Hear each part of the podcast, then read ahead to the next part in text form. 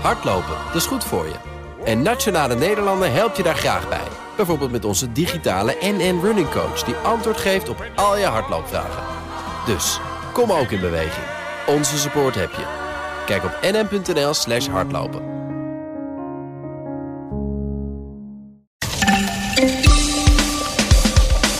De AFM wil overal in de financiële sector over de schouder mee kunnen kijken. En dat vindt de sector niet leuk. Het cijferseizoen komt er weer aan en analisten verwachten een explosieve winstgroei van de AEX-bedrijven. En Brussel stelt Polen een ultimatum over de rechtsstaat. Dit is Nieuwsroom, de dagelijkse podcast van het Financiële Dagblad en BNR Nieuwsradio met het nieuws verteld door de journalisten zelf. Ik ben Pauline Schuster en het is vandaag dinsdag 20 juli. En ik begin even met een dienstmededeling. Aangezien Mark Beekhuis gisteren had verteld dat hij weer helemaal terug is op Nieuwsroom. Dat is ook zo, alleen vandaag kon hij er helaas niet zijn. Morgen is hij er, als het goed is, wel weer. Jullie krijgen allemaal de groetjes. En van mij krijg je gewoon drie verse verhalen zoals je gewend bent. Han Dirk Hekking, uh, welkom terug in de podcast. Jij bent de Europa-verslaggever van het Financieel Dagblad. En we gaan het hebben over Polen en de rechtsstaat. En misschien moeten we eerst even neerzetten wat er nou aan de hand is met de rechtsstaat van Polen. Want Brussel is niet zo heel blij met ze. Nee, kijk, je moet uh, zien dat uh, er eigenlijk al jarenlang discussie is tussen uh, de Europese Commissie en de Poolse regering. En ook het Hof voor Justitie van de EU in Luxemburg en Polen. Eigenlijk inderdaad over de onafhankelijkheid van de rechterlijke macht in, in Polen. Dat is natuurlijk, de onafhankelijkheid van de rechterlijke macht is een fundament onder de Poolse rechtsstaat. Het is ook een, eigenlijk een fundament onder de Europese samenwerking. Hè, want als je elkaars vonnissen van rechters niet kunt uh, vertrouwen. En dan is de rechtszekerheid van burgers en bedrijven die over de grens, bijvoorbeeld in Polen, zeg maar, actief zijn, die is natuurlijk gewoon uh, ja, veel lager dan dat je bij een normaal functionerende rechtsstaat hebt. Ja. Nou, dat is het Europese belang. Um, wat er eigenlijk al jaren speelt, is dat, dat de Poolse regering, de huidige, de, de PIS-partij van uh, Jaroslav Krasinski, die kwam uh, in 2015 aan de macht. En een van hun agendapunten was eigenlijk hervorming van de rechterlijke macht. Waarom? Zij zeiden van ja, de rechters die zijn deels zijn nog uit de communistische tijd. Die mensen moeten weg. die hebben vuile handen gemaakt destijds in de communistische tijd. En het moet allemaal efficiënter. Nou, er zijn een aantal dingen over te zeggen over die claims. Ehm, je zou kunnen zeggen dat er echt niet zo heel veel rechters meer uit de communistische tijd daar werken. Uh, de gemiddelde leeftijd van Poolse rechters is redelijk jong. Dus die mensen hebben de communistische tijd hooguit uh, zeg maar in een korte broek uh, meegemaakt.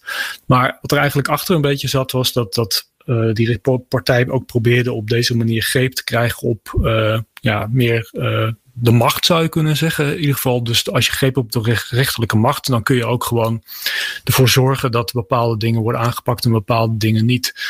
Uh, het probleem is eigenlijk een beetje dat uh, bij die hervormingen, uh, die gingen eigenlijk uh, ja, die werden over de band gespeeld. Dat bijvoorbeeld oudere rechters die moesten plotseling met pensioen. Terwijl een pensioengerechtigde leeftijd, hun termijn, die zat er nog helemaal niet op. Mm-hmm. Daarvoor is Polen toen teruggefloten door het Europees Hof. Daar hebben ze ook naar geluisterd. Die maatregelen hebben ze teruggedraaid. Maar op een gegeven moment ontstond ook de discussie van, uh, ja, Polen vinden ze het vervelend. De regering vindt het vervelend als Poolse rechters, zoals elke rechter in een EU-lidstaten, eigenlijk het Europees Hof om raad vraagt. Dat heet een prediciële vraag. Ja. Dat betekent eigenlijk dat, uh, dat een rechter zegt van ja, hoe moet ik dit nou precies uitleggen? Kunnen jullie daar in Luxemburg, kunnen jullie me uitleggen hoe deze Europese regel werkt? Nou, dat vonden ze, de Poolse regering vond dat ook vervelend. En dat voorleggen van zaken aan het Hof in Luxemburg, dat probeerden de Polen eigenlijk ook uh, terug te dringen. En een van de belangrijkste instrumenten, en daar gaat nu eigenlijk de laatste escalatie over, de belangrijkste escalatie om rechters te ontmoedigen om uh, dit, soort, ja, dit soort vragen te stellen extern, uh, dat, dat is de disciplinaire kamer van de Hoge Raad. Die bestond al, maar die heeft eigenlijk een ja, hogere vlucht genomen. Die wordt steeds meer een soort instrument uh, om rechters die eigenlijk uh, niet luisteren naar wat de regering wil, om die op die manier eigenlijk ja, via tucht zaken eigenlijk aan te pakken. En dan verliezen ze bijvoorbeeld een gedeelte van hun salaris. Ze worden op non-actief gesteld. Ze verliezen hun immuniteit. En vaak is het zo, je kunt zeggen van het is niet zo dat, dat er nu echt honderden zaken eigenlijk al lopen bij die tuchtkamer. Maar potentieel zijn er wel vrij veel zaken. Polen heeft dat een beetje mondjesmaat doorgevoerd.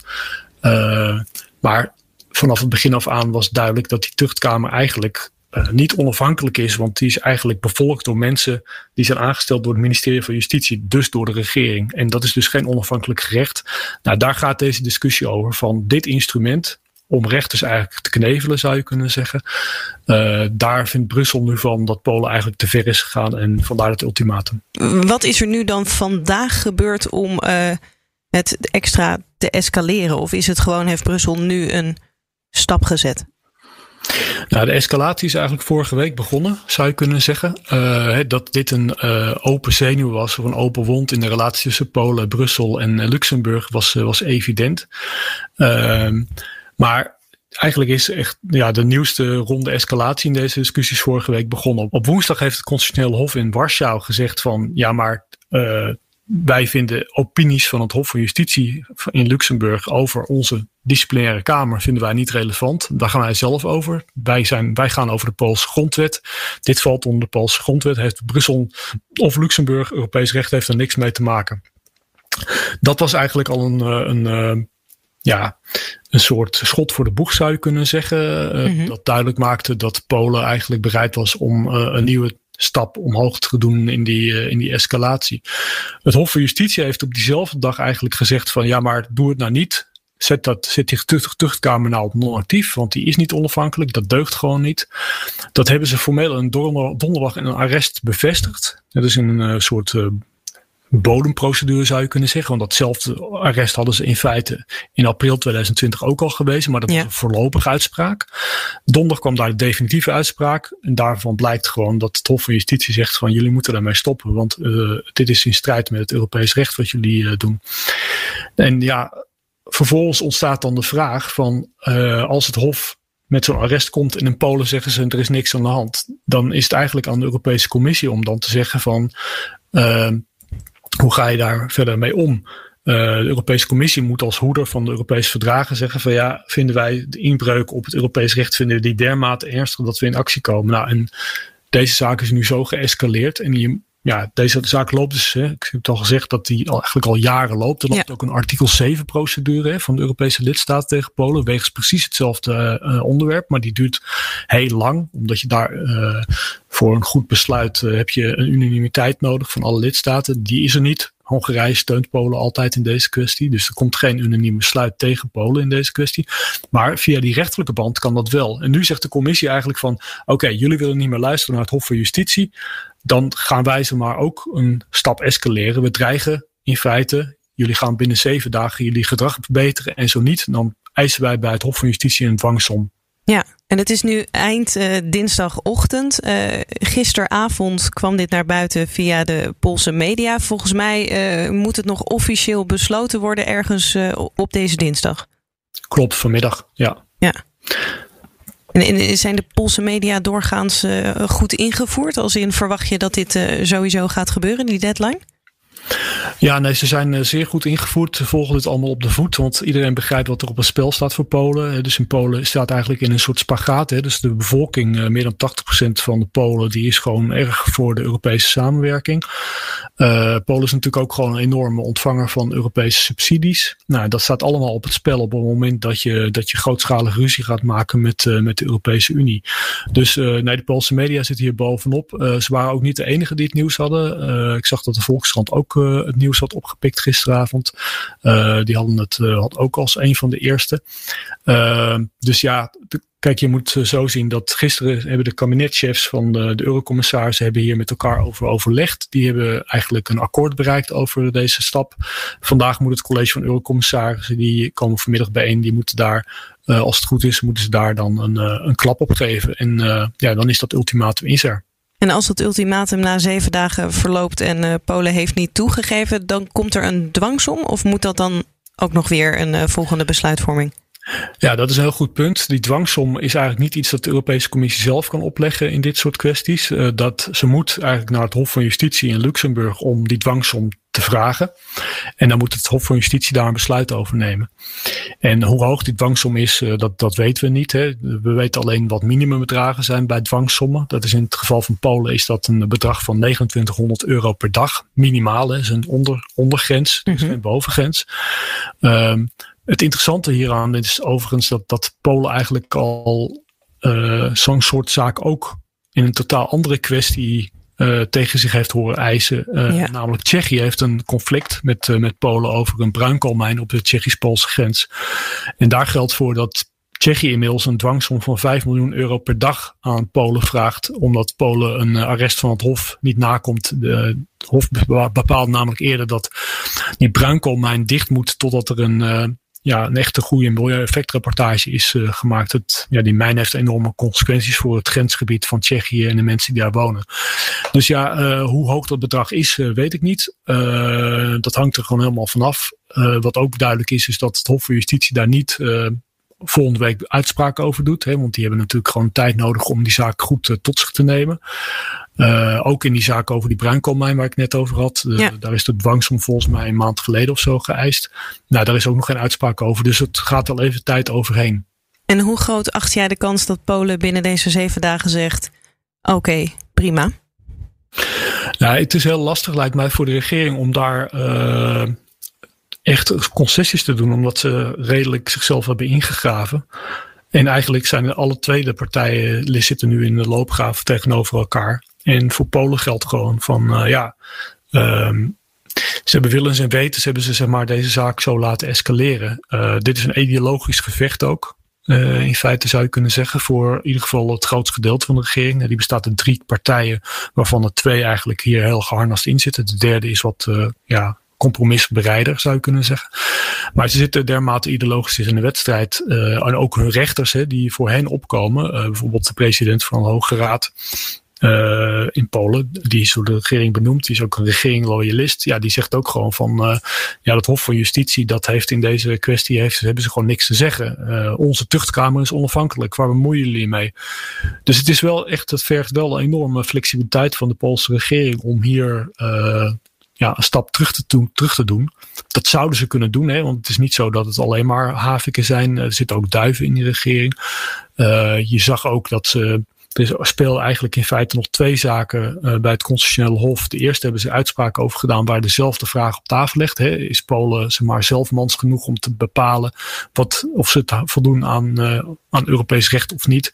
Die tweede zaak hebben ze uitgesteld tot 3 augustus. Dus daar zag je aan dat het wel een soort pragmatisme in zit. Hè. Want als ze daar gelijk ook uitspraken in hadden gedaan, die stond eigenlijk voor afgelopen donderdag, die uitspraak. Mm -hmm. Als ze daar gelijk ook iets over hadden gezegd, dan had het zo kunnen zijn dat het dan echt twee keer in twee dagen tijd een soort nucleair juridisch bommetje ontploft in de relatie tussen Polen en uh, Luxemburg en Brussel.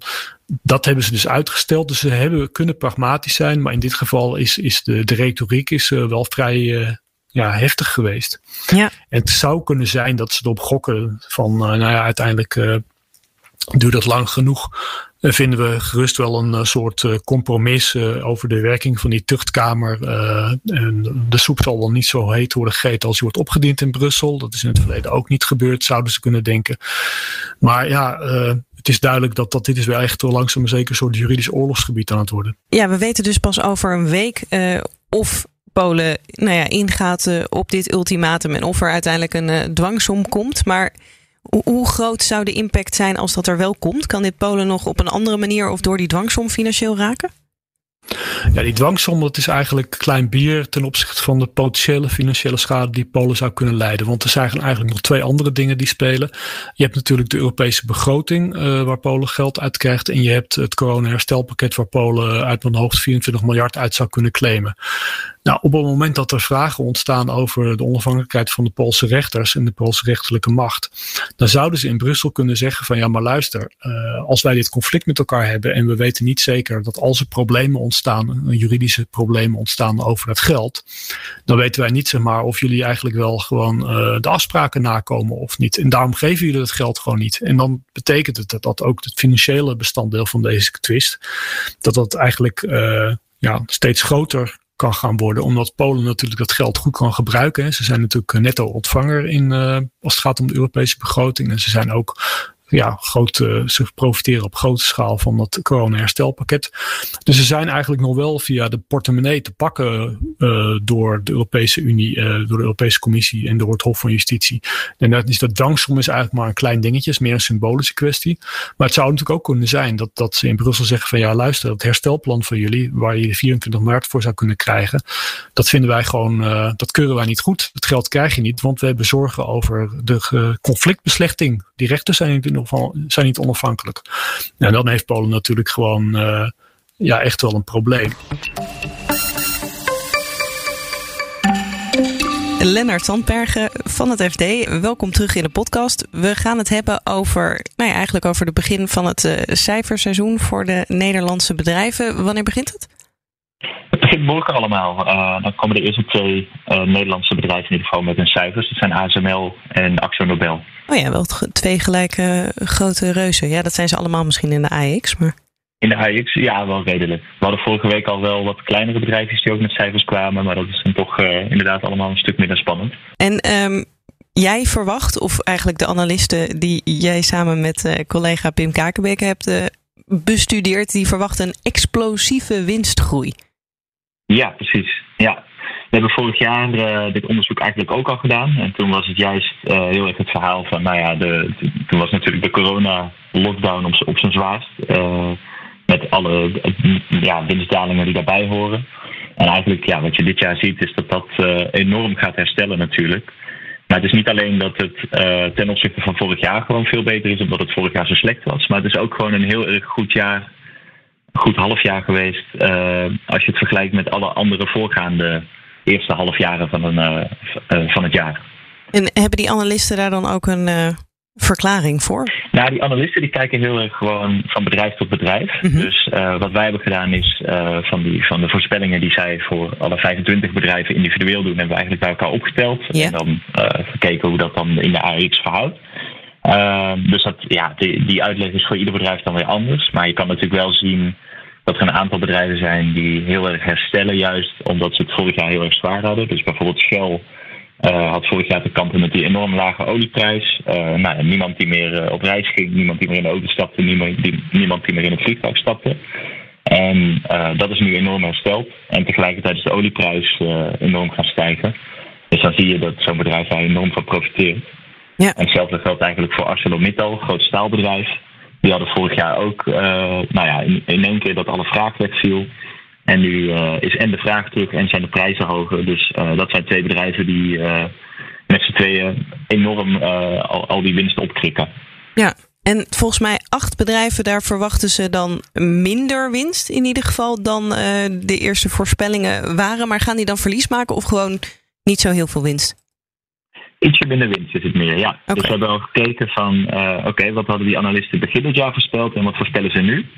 Um, en dan valt op dat er een aantal bedrijven zijn die, die, uh, waar analisten begin dit jaar gewoon ietsje uh, optimistischer over waren dan nu. En dat zijn, nou ja, als je zo'n winkelcentrum uitbater bent zoals Unibail Rodamco, ja. ja, dan is het op zich logisch natuurlijk. De, de, de lockdowns hebben dit jaar allemaal ietsje langer aangehouden dan wat werd voorspeld in het begin van het jaar.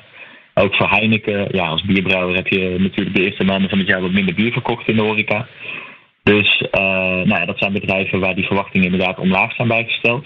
er is eigenlijk maar één bedrijf waarvan analisten nu verwachten dat het echt verlies gaat maken. Ja. Uh, maar ze dat eerst nog niet verwachten. En dat is Just Eat Takeaway, uh, de maaltijdbezorger. Uh -oh. um, ja, ach, het is niet per se uh, uh, ook de bedoeling van zo'n bedrijf dat nog enorm in de groeifase zit om heel veel winst te maken natuurlijk. Maar ze hebben toch wel te maken met wat meer concurrentie, vooral in Duitsland en in Amerika, dan dat ze eigenlijk uh, zelf hadden gedacht ook. Dus dat betekent dat ze meer reclame moeten maken, dat ze minder, ja, minder hoge prijzen kunnen rekenen. En dat, nou ja, dat zien analisten dan dus ook. Ja, de winsten lijken dit jaar harder te gaan stijgen dan in de nasleep van de kredietcrisis uh, van 2008. Heeft het ja. hoe kan het dan dat het zo'n stijging is? Ook al hebben wij, ja, corona was natuurlijk wel erg en nog steeds, en er ligt heel veel plat, maar echt een financiële crisis hebben we nog niet gehad. Dus hoe, hoe, hoe verklaar je dat dan? Ja, dat ligt ook een beetje aan de samenstelling van de AIX. Die was natuurlijk ja, in, de, in de jaren van de kredietcrisis en net daarna nog wel heel erg een, index waar heel veel banken in zaten. Ja. en als je het nu kijkt, dan hebben we en echt techbedrijven die het wereldwijd supergoed doen, zoals ASML, ASMI en BC. En tegelijkertijd hebben we hem ook nog eens de, dat, dat Shell en ArcelorMittal, wat ik net al zei, die juist een enorm herstel hebben en sowieso normaal gesproken enorme winstmachines zijn. Dus als je dat dan bij elkaar optelt, dan kom je dus uh, tot een enorm herstel. En het herstel gaat ook ja, in de hele economie natuurlijk wat sneller dan wat het na de kredietcrisis was. Ja. Toen hebben we nog een dubbel dip gehad, nog een keer een recessie. En nu is het eigenlijk in één keer is het overal het herstel tegelijk gekomen. Ja. En uh, ja, ik snap dat we mogen natuurlijk geen uh, beleggingsadvies uh, geven. En nou ja, doe dat ook vooral alleen beleggen als je dat wil, het aan kan. En maak daar zelf je keuze in. Maar als er zo'n explosieve winstgroei komt, is het dan algemeen gezegd slim of juist niet slim om nog in te stappen? ja, dat, dat, daar ga ik gelukkig helemaal niks over zeggen. Want daar weet ik ook niks van. Ehm, maar wat in ieder geval wel altijd zo is, en goed om in je achterhoofd te houden, denk ik, als belegger, is dat, dat al deze verwachtingen die wij nu opschrijven, die zijn eigenlijk al opgenomen in de koersen. Of in ieder geval, dat is in theorie zo. Dus ehm, ja, eigenlijk de, de koersbewegingen die er van dag tot dag zijn, dat zijn allemaal bijstellingen op basis van wat beleggers verwachten dat de winst van een bedrijf in de toekomst gaat zijn. Ja. dus ja, die, die, in principe zou die koerswinst er al in opgenomen moeten zijn. Maar goed, er zijn beleggers die er vast nog wel winst op kunnen maken. En er zijn er vast ook nog wel die er verlies op kunnen maken. Ja, maar de kans is denk ik heel klein dat. Uh, het is vandaag dinsdag. Morgen kom, komen ASML en Axo Nobel. dat die opeens op forse verliezen komen te staan. Nou, als die cijfers, ja, dat, dat, dat kan natuurlijk altijd wel. Dat, want die analisten die gaan ook maar uit van, die hebben bepaalde rekenmodellen gemaakt van hoe die bedrijven gaan presteren. Ja, als dat tegenvalt, of als er uh, de vooruitzichten van die bedrijven dan toch wat slechter zijn dan wat die analisten hadden gedacht, dan kan het zomaar zijn dat zo'n bedrijf in één keer een paar procent verliest. Ja. Dat gebeurt best wel vaak als, als de cijfers worden gepresenteerd. Ja, nou ja, mocht iemand deze podcast morgen pas luisteren op woensdag, dan weten ze misschien dan weten ze al hoe het is afgelopen. Dus we gaan het meemaken. We gaan het meemaken, precies. Dankjewel, Lennart. Hey, graag gedaan.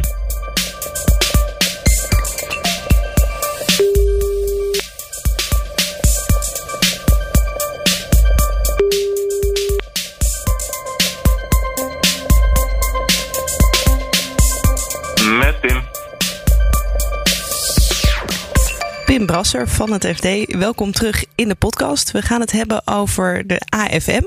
En die hebben ambitieuze dataplannen. Kan je een beetje schetsen wat dat uh, inhoudt, hun plannen?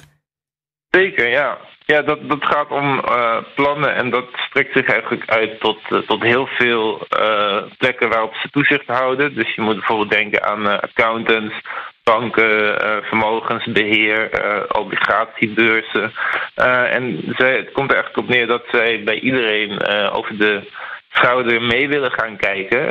zij willen veel meer en veel vaker data krijgen van, van al die bedrijven. en ze doen nu ook wel veel met data, maar ze willen dat, ze willen dat veel meer. Met een soort big data willen ze veel meer gaan doen. Ja, en hoe blij is de financiële sector daarmee? Nou, niet heel erg blij. Um, ik hou zelf ook niet heel erg van, uh, van veranderingen. Dat is toch wat je, wat je dan uh, op dit soort momenten ook wel ziet. En een van de dingen waar ze wel heel bang voor zijn, uh, is dat het in eerste instantie vrij duur gaat worden. Want mm -hmm. Ze moeten allemaal die, die data, die moeten ze allemaal gaan aanleveren. Het moet allemaal dezelfde soort data zijn. Ze moeten het allemaal anonymiseren. Ze moeten het allemaal op hetzelfde moment uh, geautomatiseerd afleveren. Dus in eerste instantie uh, zal dat duur worden.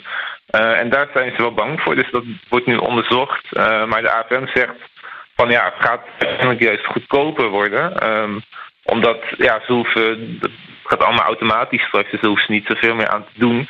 En het wordt voor de AFM ook makkelijker, is het idee. dus het argument is dat het uiteindelijk goedkoper gaat worden, maar eerst duurder.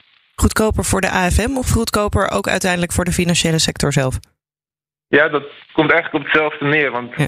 Dus aan de ene kant de, de nalevingskosten inderdaad voor de sector. Van, mm van wordt voor hen makkelijker. Uh, maar als de, als de AFM ook efficiënt gaat werken. Um, de AFM die, die, um, die rekent gewoon toezichtkosten aan de sector.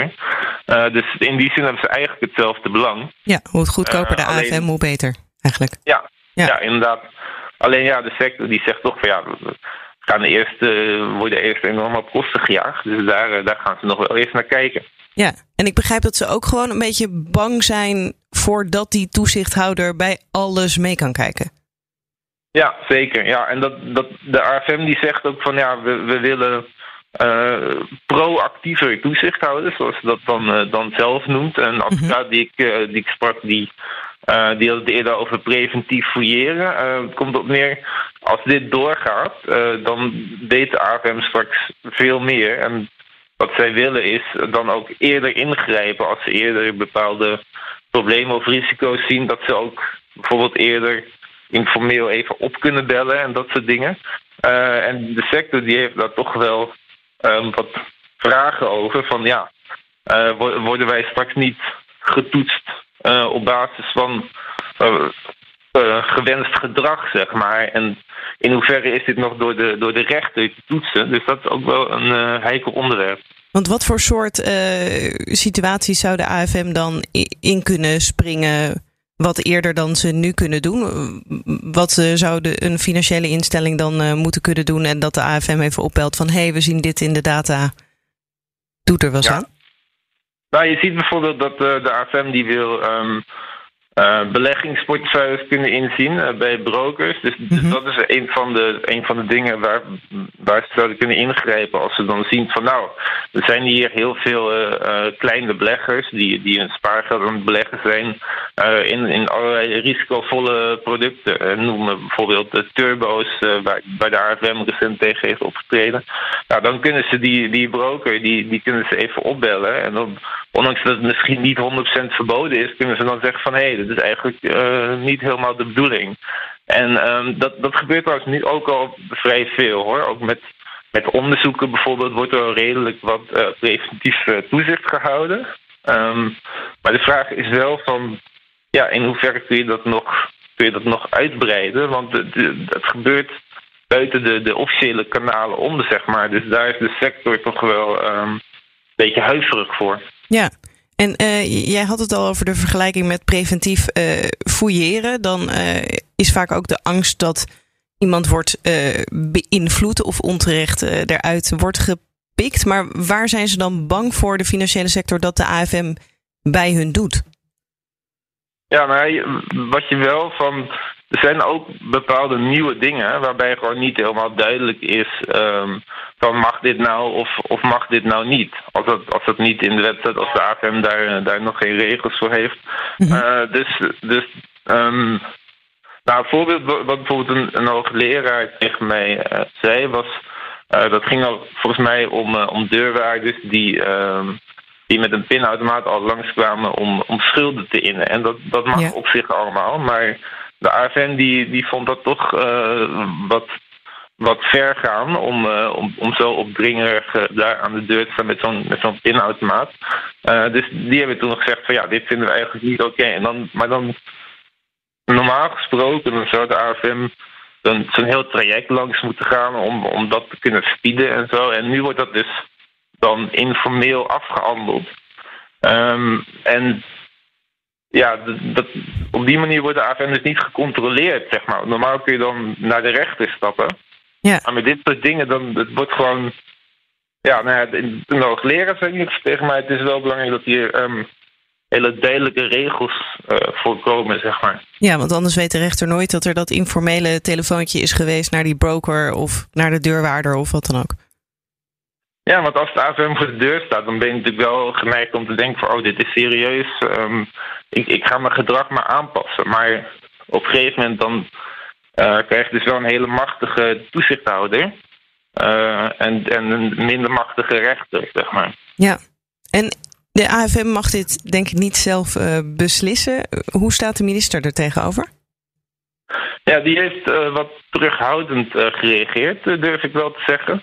Um, nou, zei de AFM zelf tegen mij van ja, dat, dat gebeurt wel vaker, dat is ook logisch. Want demissionaire minister Bob Koekstra die zei ik wil eerst kijken naar kosten en, en naar privacy. Um, en ja, hij zei van ik kan me voorstellen dat dit heel fijn is. En ik wil, ja, wat zei hij nou precies? Ik, ik, ik wil in algemene zin in gesprek gaan, maar nou, het klonk in ieder geval alsof het allemaal nog eventjes uh, kan duren. Hè? En alsof er nog uh, flink wat onderhandeld moet worden. Ja, en weet je eigenlijk of hij dat demissionair uh, mag beslissen? Of dat dat sowieso pas bij een volgend kabinet... nou, volgens mij um, moet wel de, de wet worden, worden aangepast. Ja. En ik, ik, ik weet in ieder geval dat, dat zo'n traject dat dat vaak jaren kan duren. Hè? En dat het langs allerlei nou ja, dat moet eerst geschreven worden. Dan moet nog langs de Eerste en Tweede Kamer. Dus um, ik mag hopen dat we tegen die tijd in ieder geval weer een, kabinet, een, een nieuw kabinet hebben. Ja, ik denk dat we dat uh, allemaal uh, een beetje hopen. ja. Dankjewel, Pim. Graag gedaan. En hiermee zijn we aan het einde van Nieuwsroom voor vandaag. Morgen zijn we er weer. Ondertussen kan je natuurlijk reageren. Nieuwsroom.bnr.nl of nieuwsroom.fd.nl. En namens Mark Beekhuis, heel graag tot morgen.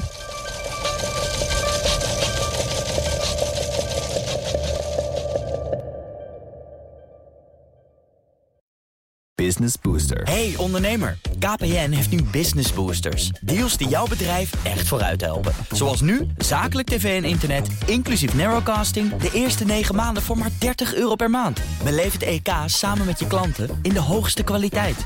Kijk op kpn.com businessbooster. Business Booster.